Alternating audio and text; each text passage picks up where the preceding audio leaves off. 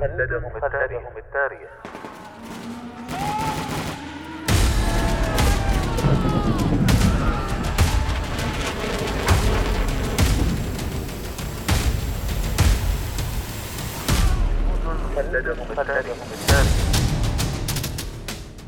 كم يفخر التاريخ العسكري برجال كتبوا سيرهم في سجلاته بحروف من الجهد والتضحية والعطاء.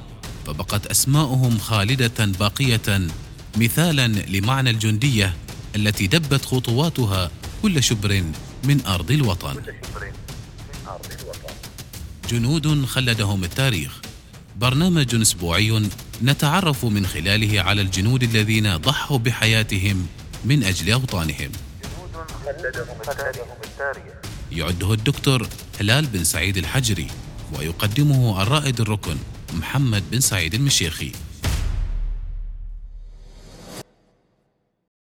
قتيبة بن مسلم الباهلي.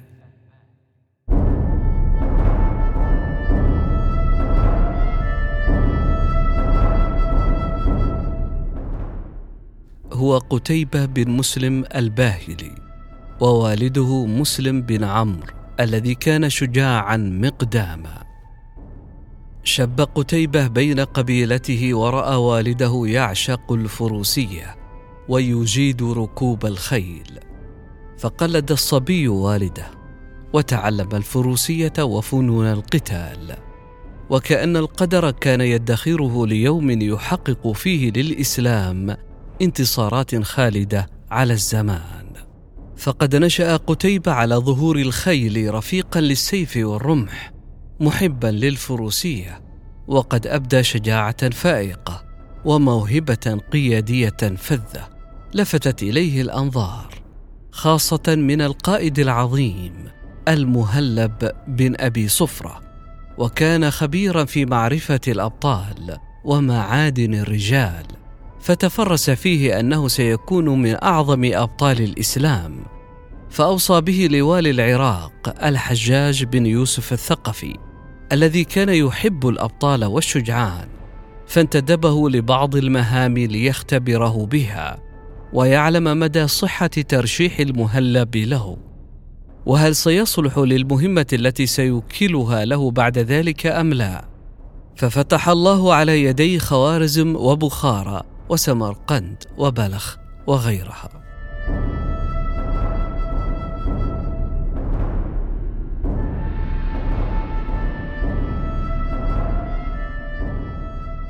بدأ العمل الحربي سنة 86 هجرية وذلك عندما ولاه الحجاج بن يوسف الثقفي وهو إقليم شاسع مترامي الأطراف. لم يكن المسلمون قد واصلوا الفتح بعده. وكان المهلب بن أبي صفرة واليا على خراسان من عام 78 حتى 86 هجرية وقد رأى الحجاج أن يدفع بدماء شابة جديدة في قيادة المجاهدين هناك فلم يجد أفضل من قتيبة بن مسلم لهذه المهمة. سار قتيبة بن مسلم على الخطة نفسها التي سار عليها آل المهلب وهي خطة الضربات السريعة القوية المتلاحقة على الأعداء. فلا يترك لهم وقتا للتجمع أو التخطيط لرد الهجوم على المسلمين. تجمع ملوك ورؤساء البلاد وحاولوا ضرب قوات المسلمين ولكن قتيبة قاومهم ببسالة منقطعة النظير. ثم عبر النهر. الذين كانوا يتصورون أن يحول دون تقدم المسلمين. وواصل زحفه نحو بخارى. وحرص أن يكون كالصقر لا يغفل عما يحيط به من مكائد الأعداء ويتصدى لهم ببسالة وشجاعة. لا تعرف الخوف ولا التردد. كان يدرك أن نيزك حاكم بادغس يكيد للإسلام رغم ادعائه أنه دخل الإسلام ولكنه كان يتظاهر بذلك ليعرف قوة المسلمين عن قرب. ويتابع أخبارهم ويتلمس أماكن الضعف في صفوف المسلمين. واتضحت نواياه عندما خرج يجمع الحكام والملوك من حوله ويبث في أعماقهم كراهية المسلمين وحضهم على حربهم. وكان نيزك قد تحصن في مكان يصعب الوصول إليه في هذه الأماكن الموحشة الدروب والمسالك. ولكن قتيبة استطاع أن يجند عددا من مسلمي نسابور واقتحم مكان هذا الحاقد على الإسلام وألحق به هزيمة ماحقة رغم سقوط مئات الشهداء.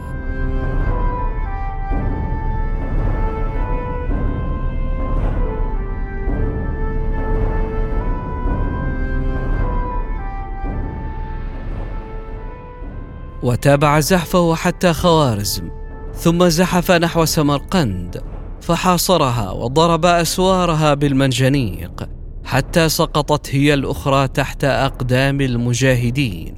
فدخلها قتيبة بن مسلم وبنى بها مسجدا. وشعر الجميع أن الحصون لا تجدي أمام الإصرار على نشر مبادئ الحق وقيم الخير والجمال.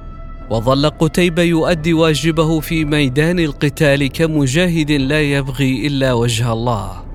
وفي الوقت نفسه كان يوقن تماما أن الإسلام ليس مجرد انضمام الأرض لتستظل برايته ولكن حتى يصبح لهذه الفتوحات معنى لا بد من نشر الإسلام. فبنى المساجد واصطحب من العلماء من يشرح للناس الدين الجديد. وما يحمل من قيم ومبادئ قادرة على أن ترسم السعادة للبشر في دنياهم وأخراهم. واستمرت فتوحات قتيبة بن مسلم الباهلي في بلاد ما وراء النهر جيحون وسيحون حتى استقر المقام للمسلمين هناك. ومن البلدات والمدن التي فتحها الطلقان والصغانيان وشومان وكفتان وسبرقند. وقد بلغ مجد فتوحاته مستوى جعل ملك الصين وهو مهاب الجانب في منطقته يرسل بالهدايا إلى الفاتح العظيم حتى يدفعه إلى التراجع عن قسمه بأن يدخل المسلمون الصين وأرسل له حفنة من تراب الصين ليطأها حتى يكون قد أبر بقسمه. غير أن القائد العظيم لم يتراجع. واستمر يقاتل في تلك المناطق وراح يخطط لكي ينطلق من فرغانة وهو إقليم يمتد حاليا بين أوزبكستان وطاجكستان وقرغيزيا نحو فتح الصين كلها. إلا أن التغيرات السياسية التي وقعت في هذه الفترة عقب وفاة الخليفة الأموي الوليد بن عبد الملك وتولي سليمان بن عبد الملك من بعده قد أطاحت بقتيبة من منصبه واليا على خراسان ومن قيادة الجيش.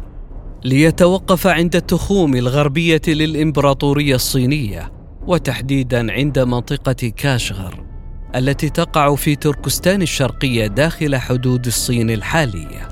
اذا كان قتيبة يعد العده لاقتحام أرض الصين نفسها ونشر الإسلام بين ربوعها. بل إنه أرسل إلى ملكها ينذره بأنه سوف يقتحم بلاده لو لم يدخل في الإسلام أو يدفع الجزية وهو صاغر. ولكن الخليفة سليمان بن عبد الملك أمر بعزل قتيبة بن مسلم وهو في أوج انتصاراته وعودته إلى دمشق فخيمت سحابات من الحزن والأسى على عين البطل الجسور. لأن الخليفة لن يكافئه أو يقدم شكره على جهاده في سبيل الإسلام ولكنه سيزج به في أعماق السجون. وقرر أن يقاوم هذا القرار الظالم مهما تكون العواقب وليمت في ميدان جهاده بدل أن يموت حبيسا تحت قبو مظلم رطب. وانتهت حياته وهو يقاوم من جاء يقدمه للخليفة. فقد أصابه سهم طائش وأودى بحياة البطل العظيم. كان قتيبه بن مسلم قائدا من كبار القادة الذين سجلهم التاريخ. فعلى يديه فتحت هذه البلاد التي تسمى اليوم بالجمهوريات الإسلامية التي انفصلت عما كان يسمى بالاتحاد السوفيتي وتوغل حتى حدود الصين. وتدين كثير من هذه البلاد بدين الإسلام. وهكذا أصبح من الجنود الذين خلدهم التاريخ.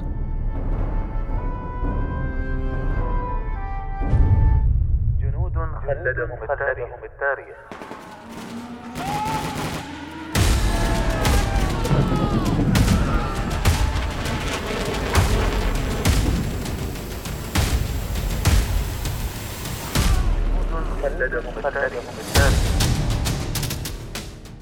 كم يفخر التاريخ العسكري برجال كتبوا سيرهم في سجلاته بحروف من الجهد والتضحية والعطاء فبقت أسماؤهم خالدة باقية مثالا لمعنى الجندية التي دبت خطواتها كل شبر من أرض الوطن. جنود خلدهم التاريخ. برنامج أسبوعي نتعرف من خلاله على الجنود الذين ضحوا بحياتهم من أجل أوطانهم. يعده الدكتور هلال بن سعيد الحجري ويقدمه الرائد الركن محمد بن سعيد المشيخي.